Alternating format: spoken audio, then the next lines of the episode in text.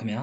တနင်္သာရီသတင်းအစီအစဉ်ကနေကြိုဆိုလိုက်ပါတယ်ဒီအစီအစဉ်ကို The Well Watch ဝိုင်းတော်သားတွေကစီစဉ်တင်ဆက်ထားတာပါဒီနေ့ဇန်နဝါရီလ26ရက်နေ့မှာဖြစ်ပေါ်ခဲ့တဲ့သတင်းအကြောင်းအရာတွေကပထမဆုံးတင်ဆက်ပေးချင်တာကတော့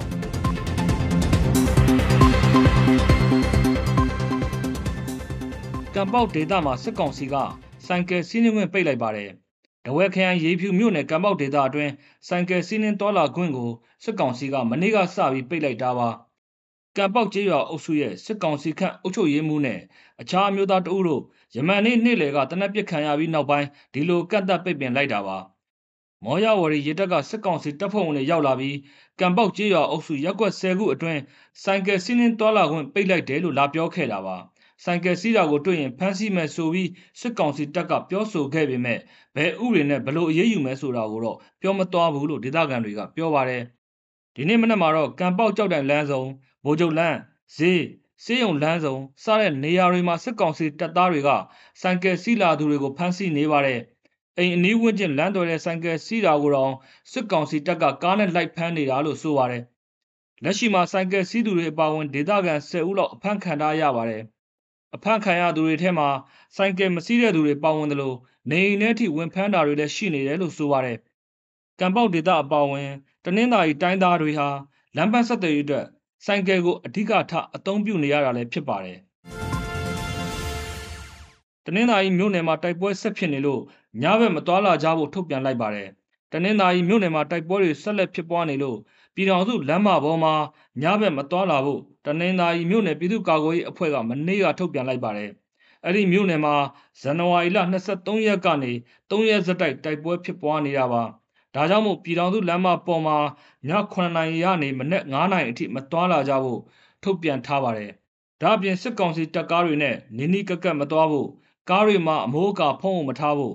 မှန်ဖွင့်မောင်းဖို့နဲ့တော်လန်ရေးအဖွဲ့တွေကစစ်ဆေးရင်ကြည်ပြူစွာလက်ခံဖို့လည်းထုတ်ပြန်ချက်မှာပါရှိပါတယ်။ကော့တောင်းမြို့အေးငိန်ရက်ကွက်အုတ်ချုပ်ရေးမှုနဲ့ဇနီးတနက်နဲ့ပြစ်ခတ်ခံရပါတယ်။အုတ်ချုပ်ရေးမှုဦးယူလွန်ရဲ့ဇနီးဖြစ်သူတို့ အပြင်ကပြန်လာချိန်မှာနေနားမှာပြစ်ခတ်ခံလိုက်ရတယ်လို့ဆိုပါတယ်။တနက်ပြစ်ခံရလို့ဒဏ်ရာရပြီးစစ်ဆေးရုံမှာစစ်ကူတာမှုခံယူနေတယ်လို့လည်းသိရပါတယ်။ပြစ်ခတ်မှုဖြစ်ပြီးနောက်မှာတော့စစ်ကောင်စီတပ်ကပတ်ဝန်းကျင်နေအချို့ကိုလာရောက်စစ်ဆေးခဲ့တယ်လို့ဒေသခံတွေကဆိုပါတယ်။အုပ်ချုပ်ရေးမှုဦးယူလွင်ဟာပြီးခဲ့တဲ့ဇွန်လကလည်းတနက်နဲ့ပြစ်ခတ်ခံရဖူးပြီးဒဏ်ရာရရှိခဲ့ပါသေးတယ်။ အဖမ်းခံရတဲ့ကြောက်နီမော်ဒေသခံအမျိုးသမီး2ဦးပြန်လွတ်လာပါပြီ။စစ်ကောင်စီတပ်ကဖမ်းဆီးထားတဲ့လောင်းလုံးမြို့နယ်ကြောက်နီမော်ရွာကအမျိုးသမီး2ဦးမနေ့ကပြန်လွတ်လာပါတယ်။ကြောက်နီမော်ရွာသားကိုစောဦးရဲ့နေအိမ်ကိုဇန်နဝါရီလ24ရက်နေ့မှာစစ်ကောင်စီတပ်ကလာရောက်ချိတ်ပိတ်ချိန်မှာဘေးအိမ်ကအမျိုးသမီး2ဦးကိုလည်းဖမ်းဆီးသွားတာပါ။အဲ့ဒီအမျိုးသမီး2ဦးကိုစစ်ကောင်စီတပ်ကတရက်ကြာစစ်ဆေးမင်းများအပြီးပြန်လွှတ်ပေးခဲ့တာလို့ဆိုပါတယ်။ စစ်အာဏာရှင်စန့်ကျင်ရေးဆန္ဒပြခြင်းကရိုက်ထားတဲ့ဓာတ်ပုံတွေကို ဖုန်းထဲမှာတွေ့လို့ဖမ်းဆီးသွားတာဖြစ်ပြီးဖမ်းဆီးခံရချိန်မှာကိုစောဦးအကြောင်းကိုလည်းမေးမြန်းခဲ့တယ်လို့ဆိုပါတယ်။ထိုင်းနိုင်ငံမှာမြန်မာတက္ကသိုလ်ကျောင်းသားတဦးငားလွာကပြုတ်ကျပြီးသေဆုံးခဲ့ပါတယ်။ထိုင်းနိုင်ငံပထုံဌာနီခရိုင်မှာတက္ကသိုလ်တက်နေတဲ့မြန်မာကျောင်းသားတဦးငားတဲ့အဆောင်ပေါ်ကဒီနေ့ပြုတ်ကျပြီးသေဆုံးသွားပါတယ်။ပထုံဌာနီခရိုင်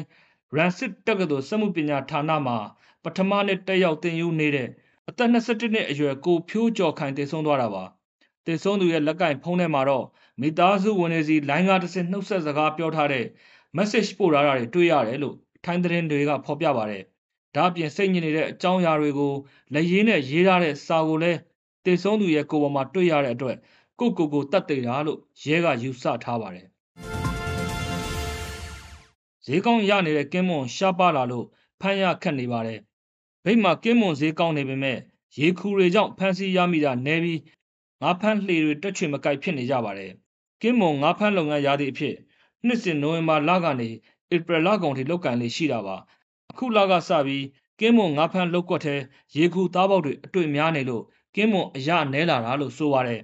ကင်းပွန်လေတစီ15ရက်အကြာပင်လယ်ပြင်တစ်ခေါက်ထွက်ရင်73စီနဲ့အခြားကုန်ကြစည်အတွက်ပြင်းမြကျပ်သိန်း100နီးပါးကုန်ကြတယ်လို့ဆိုပါတယ်။ ဗိတ်ဒေသမှာဖမ်းမိတဲ့ကင်းမွန်တွေကိုမော့တောင်နယ်စပ်နဲ့ကော့တောင်းနယ်စပ်ကဆင့်ထိုင်းနိုင်ငံကိုတင်ပို့ရောင်းချလေရှိပါတယ်။ဗိတ်ခရိုင်အတွင်းမှာကင်းမွန်မီထွန်း9ဖန်းလေအစီးရေ2000ကျော်ရှိပြီးရေလုံသားဥရေ2000လောက်ရှိပါတယ်။